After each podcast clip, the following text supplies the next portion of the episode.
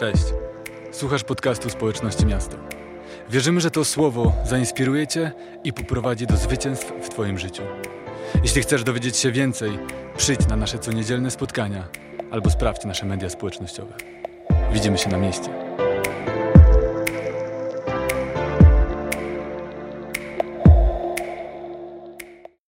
Słuchajcie, tak jak śpiewaliśmy w tej piosence, tak jak dzisiaj w ogóle to jest treścią naszego, naszego, naszego wydarzenia, błogosławieństwo dzieci, że nasz Bóg jest tym, który błogosławi. On błogosławi swoje dzieci, błogosławi swój lud, taki jest Bóg. I na to wskazują nawet jego imiona. To jest taki wstęp, gdybyście nie wiedzieli do głównej treści. Bo jego imię, e, w którym przedstawia się w Biblii, to Jahwe. Jestem, który jestem. Wiecie, to wskazuje nam na to, że on zawsze był, jest i będzie. I on zawsze był, jest i będzie ze swoimi dziećmi, ze swoim ludem, ze swoim kościołem. Ale on ma wiele imion, którymi przedstawia się w Biblii. Na przykład innym imieniem jest Jahwe Irech, e, a więc Pan, który zaopatruje. I to też wiąże się z błogosławieństwem. Pan Bóg zaopatruje swoje dzieci, zaopatrywał Abrahama, zaopatrywał e, Mojżesza, zaopatrywał Dawida, zaopatrywał Jezusa i zaopatrywał Jego uczniów. Bóg jest tym, który zaopatruje i troszczy się o swoje dzieci, błogosławi. On ma też imię Jahwe Shalom, a więc Pan, który jest pokojem. On jest pokojem, wiecie, w tych czasach, w których tak wiele niepokoju, tak wiele strachu, lęku, tragicznych wydarzeń jest wokół nas. On jest tym, który chce dać nam swój pokój i możemy czerpać i sięgać od Niego e, pokój, bo On jest pokojem. Inne Jego imię, którym się przedstawia, to Jahwe Mkadesz, E, które oznacza Pan, który uświęca, święty. I wiecie, tak właśnie jest. On jest tym, który chce uświęcać nasze życie, chce usprawiedliwiać, oczyszczać nasze życie. E, chce błogosławić nas właśnie tą wolnością wewnętrzną, tą wolnością od grzechu. I ma jeszcze wiele imion, ale to jedno imię, które ma szczególne znaczenie w kontekście błogosławieństwa, ale też tematu, o którym dzisiaj chcę mówić, to imię, które brzmi Jahwe Rafa, a więc Bóg, który uzdrawia. Bóg, który jest lekarzem. I gdybyś miał stąd wyjść, nigdy już tu nie wrócić, ponieważ przyszedłeś tylko ze względu na Twoich znajomych i bliskich, to chciałbym, żebyś wyszedł stąd wiedząc i mając przekonanie, że Bóg, który objawia nam się w Słowie Bożym, w Biblii, jest Bogiem, który uzdrawia. Jego imię brzmi Jahwe Rafa. Bóg, który leczy, Bóg, który jest lekarzem. I Jahwe Rafa to temat dzisiejszego kazania, ponieważ jesteśmy w serii o uzdrowieniu. W serii o uzdrowieniu. I Bóg przedstawia się swojemu ludowi w e, ten sposób, jako Bóg, który leczy, Bóg, który jest uzdrowieniem. W Księdze Wyjścia w 15 rozdziale, 26 wersecie i mówi jeśli będziesz słuchał głosu Pana, Twojego Boga, czynił to, co prawe w Jego oczach, zważał na Jego przykazania i strzegł wszystkich Jego ustaw, to żadną chorobą, którą dotknąłem Egipt, nie dotknę Ciebie, ponieważ ja, Pan, jestem Twoim lekarzem. Można to tłumaczyć, ja, Pan, jestem tym, który leczy, jestem e, Twoim uzdrowieniem. Wiecie, i Bóg jest tym, który jest uzdrowieniem i który ma moc, aby uzdrowić i który przede wszystkim chce nas uzdrowić. Chce nas uzdrowić. To jest to, kim On jest. I wiecie, kiedy wchodzisz w relację z Bogiem, to wchodzisz w relację z Bogiem, który jest uzdrowieniem, który ma dla ciebie uzdrowienie i kiedy oddajesz Mu swoje życie, to wchodzisz w relację, w której On chce ciebie błogosławić i chce uzdrowić twojego ducha, twoją duszę i twoje ciało. Co to znaczy? To znaczy, że On chce uzdrowić twojego ducha, czyli uwolnić ciebie od grzechu. Każdy z nas, nikt z nas nie jest doskonały, każdy z nas ma coś tam za uszami. Jeśli jesteś doskonały, to chcecie poznać po nabożeństwie i usłyszeć, jak to robisz. Ale wydaje mi się, że nikt z nas nie jest doskonały, e, a nawet jestem o tym przekonany i potwierdza to też Słowo Boże, że każdy zgrzeszył, jest pozbawiony chwały. A więc On chce uzdrowić naszego ducha, czyli to najgłębszą duchową część nas i chce, aby ona była wolna od grzechu, ale chce uzdrowić również naszą duszę. Chce uzdrowić nasze myśli, nasze emocje. Chce uzdrowić nas z lęku, z depresji, ze strachu, z tego wszystkiego, co nas e, wewnętrznie e, więzi, łamie, sprawia, że nie możemy doświadczyć wolności i pełni zdrowia. Bo wiemy, że nie chorujemy tylko fizycznie, chorujemy również mentalnie, chorujemy na duszy. I myślę, że współczesne czasy bardzo mocno pokazują nam to i objawiają, że wielu ludzi zmaga się właśnie z wewnętrznymi zmaganiami z chorobą duszy. Bóg chce uzdrowić również to i Bóg chce uzdrawiać nasze ciało, to znaczy chce uzdrowić nas z chorób. Chce uzdrowić nas z chorób. I to, co jest ważne, wiecie, to Jahwe Rafa to jest jego imię. Bóg jest uzdrowieniem, a to znaczy, że On nie tylko ma dla ciebie uzdrowienie jako jakiś coś wyjątkowego, jakiś prezent, jakiś szczególny em, wydarzenie, sztuczka, jakkolwiek sobie to nazwiesz, ale On jest uzdrowieniem, to znaczy, że kiedy spotykasz się z Nim, kiedy wchodzisz w Nim relację, On chce, doświadczasz i On chce, żebyś doświadczył uzdrowienia, ponieważ spotykasz się z Nim, który jest uzdrowieniem. Spotykasz się z uzdrowieniem, z Bogiem, który jest uzdrowieniem, w którym jest pełnią uzdrowienia. I wiecie, tak jak bardzo często mówi się, że Bóg jest miłością, znaczy mówi się tak, ponieważ to jest prawda.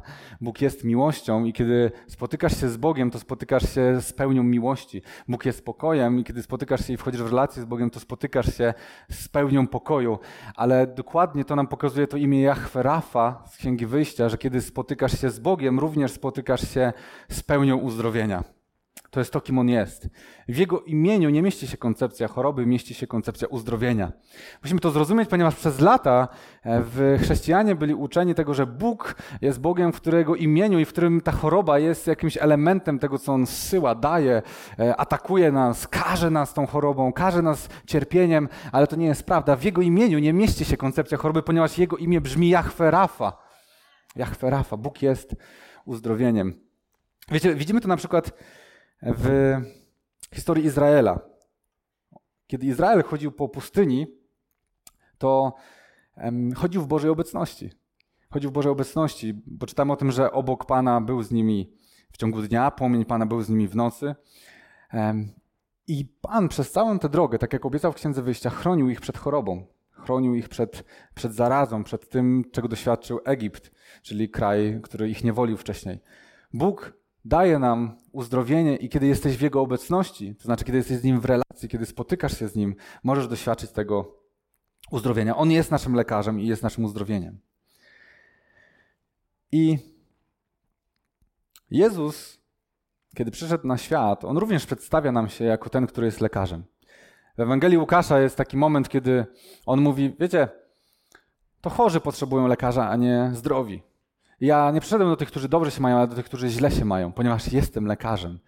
Dlaczego mógł powiedzieć, że jest lekarzem? Ponieważ Jezus jest Bogiem. Jezus jest jedno z Ojcem. A więc skoro Jego Ojciec ma imię Jahwe Rafa, On również jest lekarzem. On również jest tym, który uzdrawia. I w ogóle co jest niesamowite i fascynujące, bardzo często e, mówimy o tym przed Bożym Narodzeniem, że Jezus wypełnia bardzo wiele proroctw. To jest coś niezwykłego. W Starym Testamencie, więc w księgach, które były pisane wiele, wiele wieków przed Jezusem, jest wiele proroc dotyczących Mesjasza. Tak w skrócie, jeśli nie, nie postaram się to wytłumaczyć. Jest wiele proroc dotyczących Mesjasza, czyli, czyli Chryst, Chryst, Zbawiciela, który miał przyjść. I Jezus jest jedyną postacią w historii, która mogła wypełnić, która wypełnia wszystkie te proroctwa. Prawdopodobieństwo tego jest e, właściwie czymś, co jest niemożliwe do tego, żeby się wydarzyło, ale w Chrystusie się, w Jezusie się wypełnia. I jedno z takich proroctw napisanych wiele, wiele wieków wcześniej brzmi, y, napisał prorok Izajasz w 53 rozdziale swojej księgi, 4 i 5 wersecie. I on napisał tam o Mesjaszu takie słowa. Tymczasem on wziął na siebie nasze choroby, dźwigał nasze cierpienia, a my myśleliśmy, że słusznie jest zraniony, uderzony przez Boga i umęczony. Lecz On został przebity za nasze przestępstwa, zgnieciony za nasze winy, spadła na Niego kara w imię naszego pokoju, a Jego ranami zostaliśmy uleczeni. W ogóle to proroctwo zapowiada to, co większość z nas będzie świętowała w przyszłym tygodniu. Znaczy, Wielki Tydzień się właściwie zaczyna właśnie teraz, ale w Wielki Piątek bardzo często wspominamy, czy znaczy właściwie wszyscy chrześcijanie wspominają, nie bardzo często, tylko chrześcijanie wszyscy, wspominają e, śmierć Jezusa na krzyżu. I tu jest właśnie opisane to, że e, Mesjasz będzie tym, który będzie przebity za nasze grzechy, za nasze przewinienia, za nasze przestępstwa. Ale co jest ważne, tu jest napisane nie, nie tylko o grzechach i, i winach, ale jest napisane tutaj również o tym, że w tych ranach, których doświadczył Jezus, jest uzdrowienie że On dźwigał nasze choroby i nasze cierpienie. Że kiedy On umierał na krzyżu, nie umierał tylko za to, żebyśmy my mogli powiedzieć, to jest nasze religijne wyznanie, zostaliśmy uwolnieni od grzechu, ale to dotyka tylko jakiejś tam sfery naszego duchowego życia, niedziela, a może tylko święta. Ale jest napisane, On wziął na siebie cały ciężar naszego życia. Ciężar, który dotyka Twojego ducha, a więc części, która przez grzech jest martwa. Części Twojej duszy, a więc tej części, która dotyka wszystkich Twoich myśli, jakichś strachów i lęków, ale również czyli cierpienia wewnętrznego, ale również Twoje choroby zostały wzięte na krzyż. To, z czym się zmagasz, Twój ból, twoja, twoje, twoje jakieś przewlekłe problemy, On to wziął na krzyż. I Jezus jest wypełnieniem tej obietnicy. Wiecie, kiedy głosił Ewangelię, to przy jego głoszeniu manifestowało się uzdrowienie. Za chwilę będę to czytał. Ale wiecie, te, te, te cuda świadczyły o tym, że Królestwo Boże przyszło na świat. Że kiedy Jezus przyszedł na świat, to Królestwo Boże e, również przyszło i, i, i zaczęło się objawiać. I czy, kiedy On głosił Królestwo Boże, tydzień temu o tym mówiłem, że, że znaki cuda manifestują się wtedy, kiedy głosimy Boże Królestwo. I kiedy On głosił Boże Królestwo, to manifestowało się mnóstwo znaków i cudów. O tym czytamy w Ewangelii. Manifestowało się mnóstwo znaków i cudów. I wiecie, i to było potwierdzeniem tego, że nadszedł czas wypełnienia się tego proroctwa z Izajasza. Że nadszedł, nadszedł czas uzdrowienia, że nadszedł czas przełomu, czas, w którym ten Jahwe Rafa objawia się w swoim Synu, Jezusie Chrystusie. Że oto to proroctwo sprzed wielu, wielu wieków jest teraz rzeczywistością i stało się ciałem, tak jak mówimy o tym. Wiesz, i też sobie tak pomyślałem, że patrząc na niektórych y, miny, że, że możemy sobie, ej, o czym tu mówisz, jakieś uzdrowienia? Co my tutaj jesteśmy w jakimś cyrku? O co tutaj chodzi? Słuchaj, mogę to najprościej wyjaśnić tak. Cała wiara chrześcijańska polega na tym, że wierzymy, że gość, który był martwy, powstał z grobu. Wiesz, i to jest chrześcijaństwo, czy konserwatywne, czy liberalne, jakiekolwiek chrześcijaństwo, ono sprowadza się do tego, że gość był martwy i wstał z grobu. I teraz, jeżeli to jest podstawą naszej wiary i jakby przyjmujemy, że w to wierzymy, to teraz uzdrowienie twojego haluksa, czy uzdrowienie twojego kataru chyba nie jest jakimś wielkim problemem i czymś nadzwyczajnym. Okej? Okay? Więc zanim zaczniesz może tak mieć jakiś dystans, to pomyśl sobie, że fundamentem chrześcijańskiej wiary w ogóle jest coś spektakularnego, wyjście z grobu. Więc jakkolwiek tradycyjnie byś nie wierzył, albo po prostu jakkolwiek byłbyś daleko od takich wiary w ponadnaturalne rzeczy, to musisz wiedzieć, że my wszystko, co tutaj robimy, robimy w oparciu o jeden największy cud w historii świata. Że ktoś był martwy, a oto żyje. Więc chciałem zrobić takie wtrącenie, żeby może uspokoić nasze wszystkie myśli. A co na to nauka?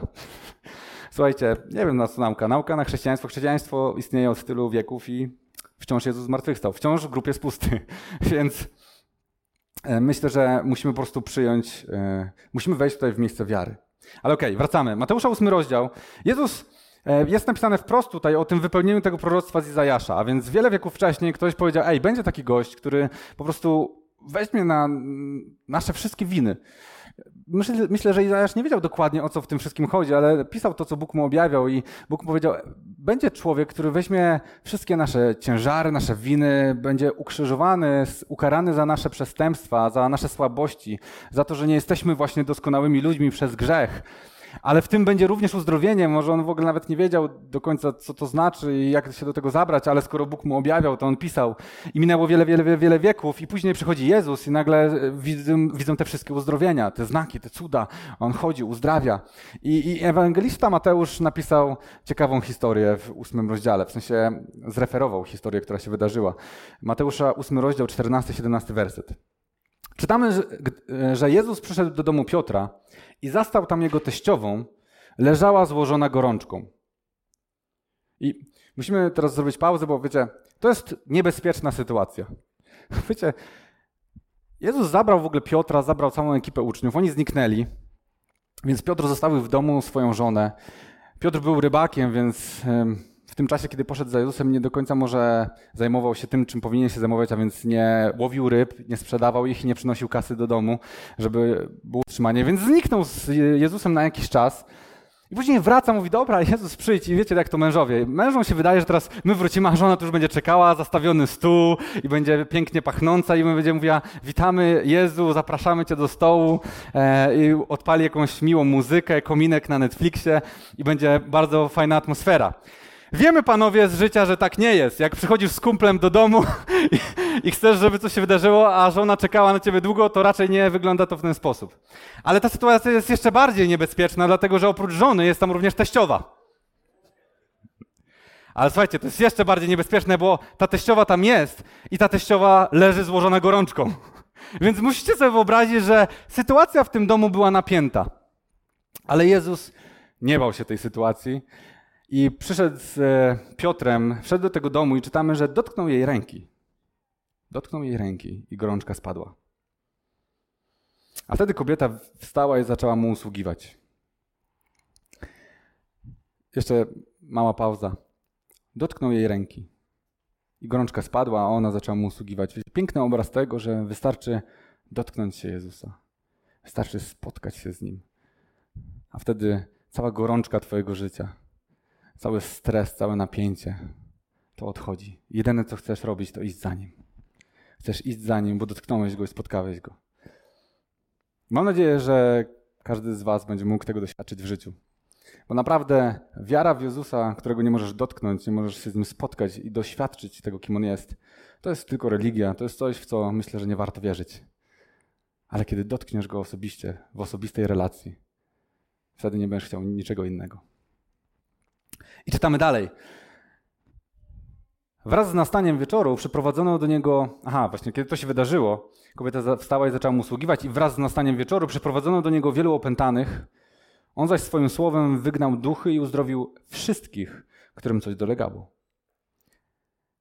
A więc, kiedy okazało się, że Jezus radzi sobie z żoną, która jest, czekała długo na swojego męża, radzi sobie z teściową i to teściową w gorączce, od razu tego wieczoru przyszło mnóstwo ludzi, którzy byli e, uciemiężeni, chorzy, którym coś dolegało. Jest napisane, że Jezus wszystkich uzdrowił. Wszystkich uzdrowił. I Mateusz widzi to wszystko, ewangelista Mateusz, który to pisze, i mówi tak. W ten sposób spełniło się to, co zostało powiedziane przez proroka Izajasza. On wziął nasze słabości, poniósł ciężar naszych chorób. A więc Mateusz, kiedy słyszy to wszystko, widzi to wszystko, chodził z Jezusem i widział wiele jeszcze innych rzeczy, on mówi: Patrzę na to jestem pewien tego, że to proroctwo sprzed wielu wieków o tym, że przyjdzie Mesjasz, przyjdzie Zbawiciel, który będzie nie tylko leczył nas z choroby grzechu, ale będzie leczył również nas z każdej innej choroby. On właśnie przyszedł i tym kimś jest Jezus Chrystus. To wypełniło się. Wypełniło się to proroctwo Izajasza, że On wziął nasze słabości i poniósł ciężar naszych chorób. I to, co jest bardzo ważne, kochani, jest napisane, że On wziął nasze słabości, a nie, że kiedyś sobie weźmie te słabości. Jest napisane, że On poniósł ten ciężar naszych chorób, a nie kiedyś tam poniesie. Jest napisane, że On nas uleczył, a nie uleczy w przyszłości. To już się wykonało. To już jest i ty nie masz tego zdobyć, ale masz to przyjąć. Jezus na krzyżu, a więc to, co wydarzyło się w Wielki Piątek, powiedział: wykonało się. To znaczy, ta ofiara i ta cena została zapłacona i to uzdrowienie przyszło już, ponieważ ja przyszedłem i dokonałem swojej misji. To znaczy, że możesz to przyjąć, a nie musisz tego zdobyć. Wiecie, my kiedy spotykamy Jezusa, nie chodzi, o, nie chodzi o to, że my mamy zdobyć uzdrowienie nas z grzechu, zbawienie, mamy zdobyć uzdrowienie z choroby, ale mamy to przyjąć. Dlatego, że Jezus zrobił wszystko, a to, co my mamy zrobić, to przyłożyć do tego naszą wiarę i spotkać się z Nim. Amen. Amen.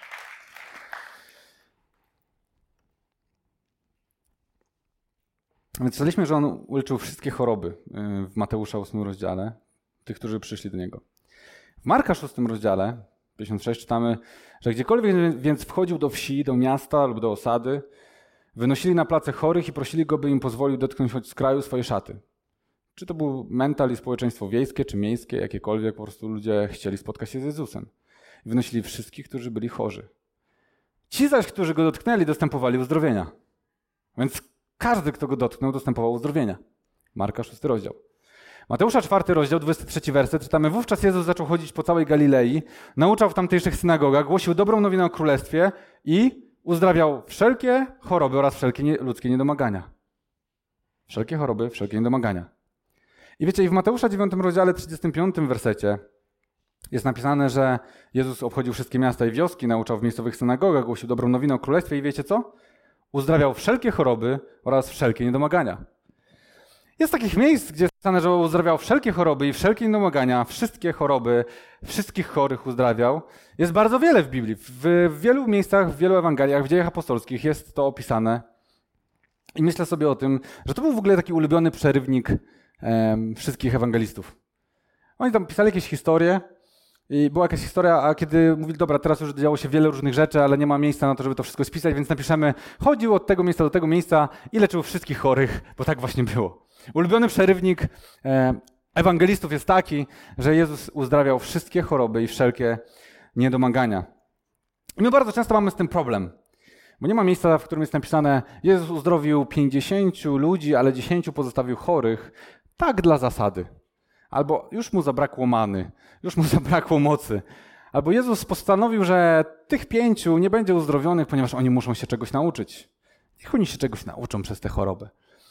Nie ma żadnego miejsca w Biblii, gdzie byłoby to opisane w taki sposób, gdzie byłoby napisane, że Jezus postanowił, że kogoś nie uzdrowi. Jest wszędzie napisane, że On uzdrowił wszystkich, którzy do Niego przyszli. Każdy, kto był chory, został uzdrowiony. Jest tak dlatego, że Bóg chce uzdrowienia. I to jest bardzo ważna rzecz dla nas, ponieważ my w tym temacie uzdrowienia często dopisujemy swoją teologię i swoją koncepcję, jaki jest Bóg. I wiecie, my przez to, że właśnie nie lubimy podnaturalnych rzeczy, nie lubimy cuda, to mówimy tak potocznie, ale nie wierzymy w cuda. E, I bardzo często odsuwamy to od swojego życia i mówimy, wierzę w Boga, ale nie wierzę w żadne cuda, nie wierzę w to, że On może dokonywać jakichś ponadnaturalnych rzeczy. Znowu wracamy do tego, że w ogóle jeśli wierzymy w Boga, wierzymy w Jezusa Chrystusa, no to zasadniczo cała ta wiara opiera się o czymś ponadnaturalnym. Ale oprócz tego, wiecie, jeśli Bóg nie chciałby uzdrowienia, to znaczyłoby, że Jezus był strasznie nieposłusznym synem. No bo Jezus, jako jego syn, przyszedł na świat i uzdrawiał wszystkich. Więc mamy tutaj pewną niezgodę. Bóg, który chce Twoje choroby, chce, żebyś cierpiał. No, może taki Bóg. Potrafimy sobie to jakoś opisać. Niektórzy wtedy stwierdzają, właśnie takiego Boga nie chce, bo Bóg właśnie zsyła choroby, więc przestaje w niego wierzyć, nie potrzebuje w ogóle Boga. Ale skoro Bóg chciałby choroby, a przychodzi Jezus, jest na nim, o nim napisane, że on był posłuszny, doskonale posłuszny swojemu ojcu, to jak to pogodzić? Bo skoro uzdrawiał wszystkich, to był nieposłuszny względem swojego ojca, który przecież nie chce, żeby wszyscy byli zdrowi. Żeby wszyscy doświadczyli uzdrowienia. Jeśli, jeśli Bóg chce Twoje choroby, to znaczy, że Jezus był strasznie nieposłuszny i mamy tutaj pewien konflikt. I myślę, że jest to nieprawda. Jest to grube pomyłka, jeśli chodzi o naszą teologię i nasze teologię, czyli w ogóle nasze wyobrażenie o tym, kim jest Bóg. Może tak byłeś uczony, że Bóg czasem zsyła chorobę tak dla zasady. Może, może cierpisz w swoim życiu, bo Bóg tak chciał. Ale to jest kłamstwo, które, którego zostałeś nauczony. To jest ludowe wierzenie, które nie ma nic wspólnego z Biblią. Bóg chciał twojej choroby, Bóg cię pokarał. Czasem mówimy, że Bozia. Nie wiem, kim jest Bozia, ale ona też czasem karze. Więc słuchajcie, i musimy sobie tutaj uzmysłowić coś. Cuda i uzdrowienia, których dokonywał Jezus, świadczyło o Jego mocy nad grzechem i wszelkimi konsekwencjami grzechu w świecie. Jeszcze jeden werset e, z ulubionym przerywnikiem e, ewangelistów, gdzie jest w dziejach apostolskich opisana służba Jezusa. Wiecie o Jezusie z Nazaretu, że Bóg namaścił Go Duchem Świętym i mocą. Wiecie też, że wszędzie, gdzie chodził, czynił dobrze i leczył, to nie jest zaskoczenie, wszystkich dręczonych przez diabła, a działo się tak dlatego, że był z nim Bóg. Leczył wszystkich dręczonych przez diabła. Ale wziąłem ten werset z tych wielu, gdzie jest napisane, że on leczył wszystkich, bo tu jest dodane, że leczył wszystkich dręczonych przez diabła. I musimy się zastanowić, co jest dziełem diabła w tym świecie. Grzech. To on jest autorem tego, że wszystko się poplątało. Nie Bóg jest tego autorem, ale diabeł jest tego autorem, że człowiek zgrzeszył, że człowiek postanowił, że sam będzie panem swojego losu, kowalem swojego losu, że sam będzie decydował, co jest dobre, a co jest złe. Będzie sam próbował siebie usprawiedliwić, ale słabo nam to jakoś idzie przez te wszystkie wieki. Największym dziełem szatana w tym świecie jest grzech. Cierpimy, ponieważ grzech jest w świecie, ponieważ grzech panuje na tym świecie, ponieważ ludzkość z pokolenia w pokolenie choruje na grzech i My często dochodzimy w y, cywilizowanym świecie, XXI wiek, zachód, mamy wszystko pod, y, pod ręką, mamy fajne mieszkania, fajne samochody, fajne restauracje, wszystko mamy fajne i jest nam bardzo dobrze, bo całe nasze życie jest ustawione przez nasz komfort. I w tej koncepcji doskonałego naszego świata budujemy sobie taką e, wizję tego, że człowiek jest dobry. Że my ogólnie jesteśmy dobrzy jako ludzie że ogólnie świat jest pozytywny i jest dobry i my jesteśmy dobrzy i w naszym zachodnim świecie jest wszystko dobrze, ale jeśli wierzysz w to, że człowiek z natury jest dobry i ma w sobie dobro, to spójrz na to, co dzieje się w Ukrainie. To spójrz na zdjęcia z buczy, to spójrz na to, co tam się wydarzyło. Człowiek nie jest dobry, jego natura nie jest dobra. Jeśli potrzebujesz wiedzieć o tym, że człowiek nie jest dobry i grzech niszczy nasze serca i niszczy ludzkość, to musisz zobaczyć po prostu wiadomości. Wiecie, wielu, wielu filozofów mówi o tym, że ta koncepcja o tym, że człowiek jest dobry, to rodzi się tylko w ciepłym fotelu zachodniego świata. Kiedy ktoś wjeżdża z czołgami do tego świata, wtedy jesteśmy grubo zaskoczeni.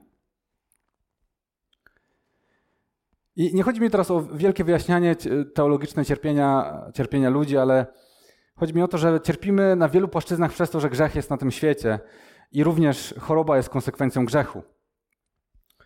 I musimy to wiedzieć, że cierpimy z powodu grzechu, a nie z powodu Boga. Z powodu Boga. Choroba nie była Bożą koncepcją dla człowieka. I, I widzimy to chociażby w Biblii, kiedy patrzymy na stworzenie. Bóg stworzył człowieka i nie było tam choroby. Przed grzechem nie było choroby. I co jest bardzo ważne, żebyśmy zrozumieli w naszej wizji Boga. Jeśli stąd wyjdziesz i masz zapamiętać coś o Bogu.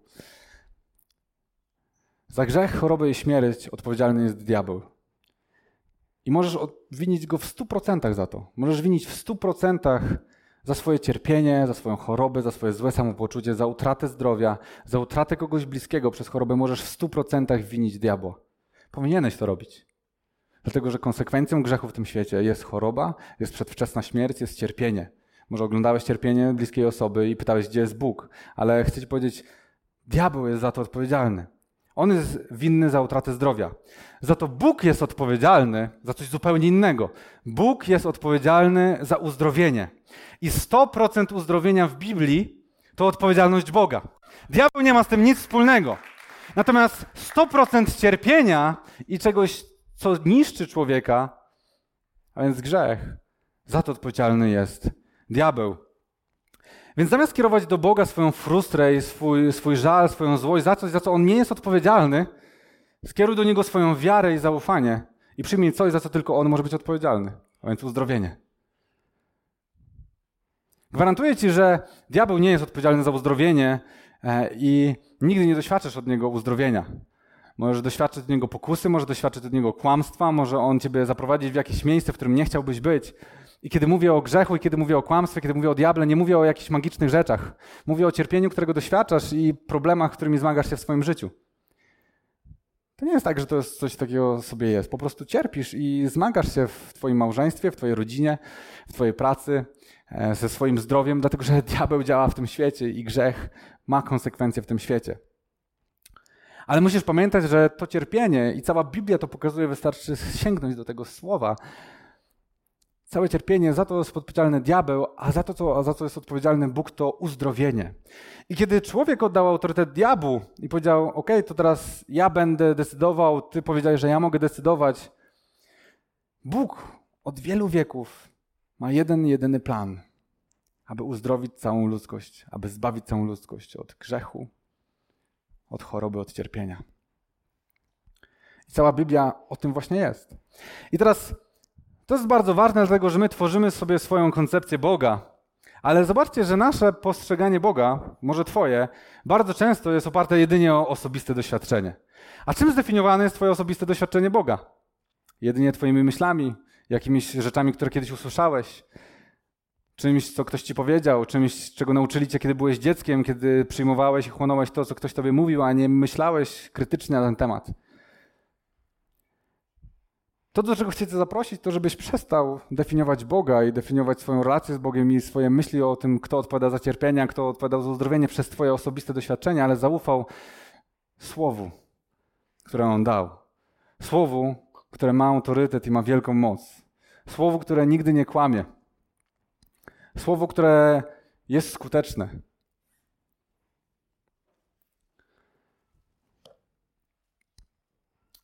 I obojętnie w jakiej tradycji chrześcijańskiej byłeś wychowywany, zakładam, że w jakiejś byłeś, będąc w tym kraju, to jeśli jakkolwiek przemawia do ciebie Wielkanoc i będziesz jadł jajko i kiełbasę, jadł żurek, to będziesz w jakimś sensie świętował zmartwychwstanie, a więc to, że Jezus, Zbawiciel, przyszedł na świat i uzdrowił ciebie z grzechu. A jeśli uzdrowił ciebie z grzechu i jest Zbawicielem, to nie masz najmniejszego powodu, aby nie wierzyć w to, że również uzdrowi ciebie z choroby. Dlatego, że jedną z konsekwencji grzechu jest choroba. Mam nadzieję, że w jakimś chociaż stopniu porusza to i miażdży to dotychczasowe wyobrażenie na temat tego, jaki jest Bóg i kto jest odpowiedzialny za chorobę w naszym życiu. I kończąc, może tutaj przyjść nasz wspaniały zespół. Chcę Wam przytoczyć jedną historię człowieka, który, którego doświadczenie Boga wprowadziło w konsternację. Tak jak może Ciebie w Twoim życiu, w Twoje zmaganie z chorobą, um, utrata kogoś bliskiego z powodu choroby wprowadziła w konsternację i w takie problem z Bogiem. Tą osobą był, Jan Chrzciciel. Jan Chrzciciel to był gość, który mega był zakochany w Bogu i służył mu całym swoim życiem. I on zapowiadał przyjście Mesjasza. On mówił, przychodzi Mesjasz. I wszyscy mieli takie przekonanie, że to jest chyba Jezus. Jezus jest chyba tym Mesjaszem. Wszystkie znaki, cuda, te wypełnione proroctwa. Jan Chrzciciel też miał takie przeczucie. Jednak w pewnym momencie jego służba została zakończona, ponieważ został wzięty do więzienia. Będąc w tym więzieniu, wysyła swoich uczniów, żeby zapytali Jezusa i zadali mu konkretne pytanie. Przeczytajmy to. Od drugiego wersetu. O dokonaniach Chrystusa usłyszał uwięziony Jan. Posłał on do Jezusa swoich uczniów z takim zapytaniem: Czy to ty jesteś tym, który ma przyjść, czy też mamy spodziewać się innego? Chcę dostać potwierdzenie, czy, czy, czy ty jesteś Bogiem, jesteś Synem Bożym, przyszedłeś tutaj i, i, i masz zrobić to co, to, to, co zostało zapowiedziane, masz być naszym Zbawicielem? Jezus odpowiada tak. Idźcie i donieście Janowi, odpowiedział im Jezus, o tym, co widzicie i słyszycie. Niewidomi odzyskują wzrok, kulejący chodzą, trędowaci doznają oczyszczenia, głusi słyszą, umarli z martwych wstają, a ubogim głoszona jest dobra nowina.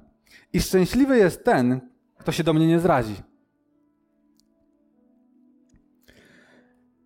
I to jest piękne, piękne przesłanie dla nas, dlatego że Jan Chrzciciel chciał dostać odpowiedź, ponieważ wszystkie jego okoliczności mówiły, gdzie jest ten Mesjasz? Przecież całe życie poświęciłem, żeby zapowiedzieć jego przyjście. Teraz zapowiedziałem, zrobiłem swoją robotę, a siedzę tu w więzieniu i grozi mi ścięcie.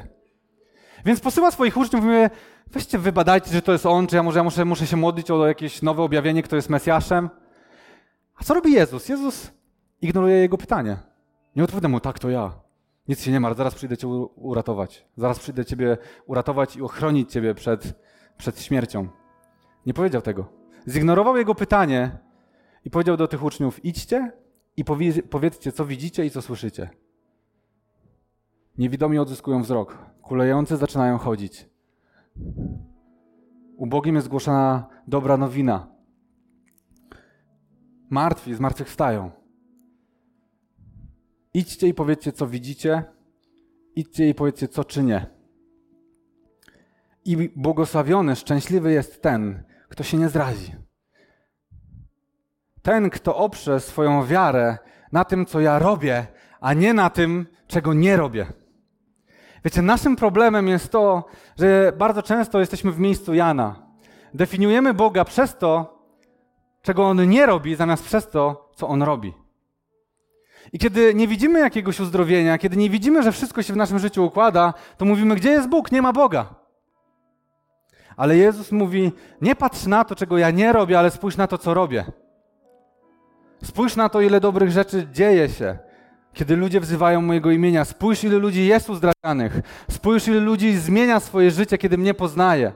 Wiecie, przyszedłeś tutaj jako gość, ale chcę ci powiedzieć, że większość ludzi tutaj, albo wszyscy, którzy są stałymi członkami, oni zmienili swoje życie, zmieniło się ich życie, ponieważ spotkali Jezusa. I może zadajesz sobie pytanie, ale w moim życiu jest źle. Gdzie jest Bóg w moim życiu? Nie ma Boga, to jest wymysł. Ale tutaj są ludzie, dla których to nie jest wymysł, ale to jest całe życie. Tutaj są ludzie, którzy spotkali Go, oddali Mu swoje życie i od tego dnia żyją na nowo. Spójrz na to, co On robi, a nie na to, czego On nie robi. I chcę dzisiaj Ciebie zaprosić do tego. Jeśli w swoim życiu doświadczasz konsekwencji grzechu, doświadczasz cierpienia, zmagania, to chcę dzisiaj Ciebie zaprosić do tego, abyś mógł spotkać Boga. I tak jak ta teściowa, żeby Twoja gorączka mogła spaść. Żeby mogło zejść z Ciebie to wszystko, co nosisz na swoich barkach, to wszystko, co jest ciężarem w Twoim życiu. Żebyś mógł zacząć żyć na nowo i zobaczyć, co On może zrobić. Przestać myśleć o tym, czego On nie robił w Twoim życiu, albo czego nie zrobił wtedy, kiedy coś działo się trudnego w Twoim życiu. Ale zaprosił Go do swojego życia i zobaczył, dokąd On Ciebie zaprowadzi.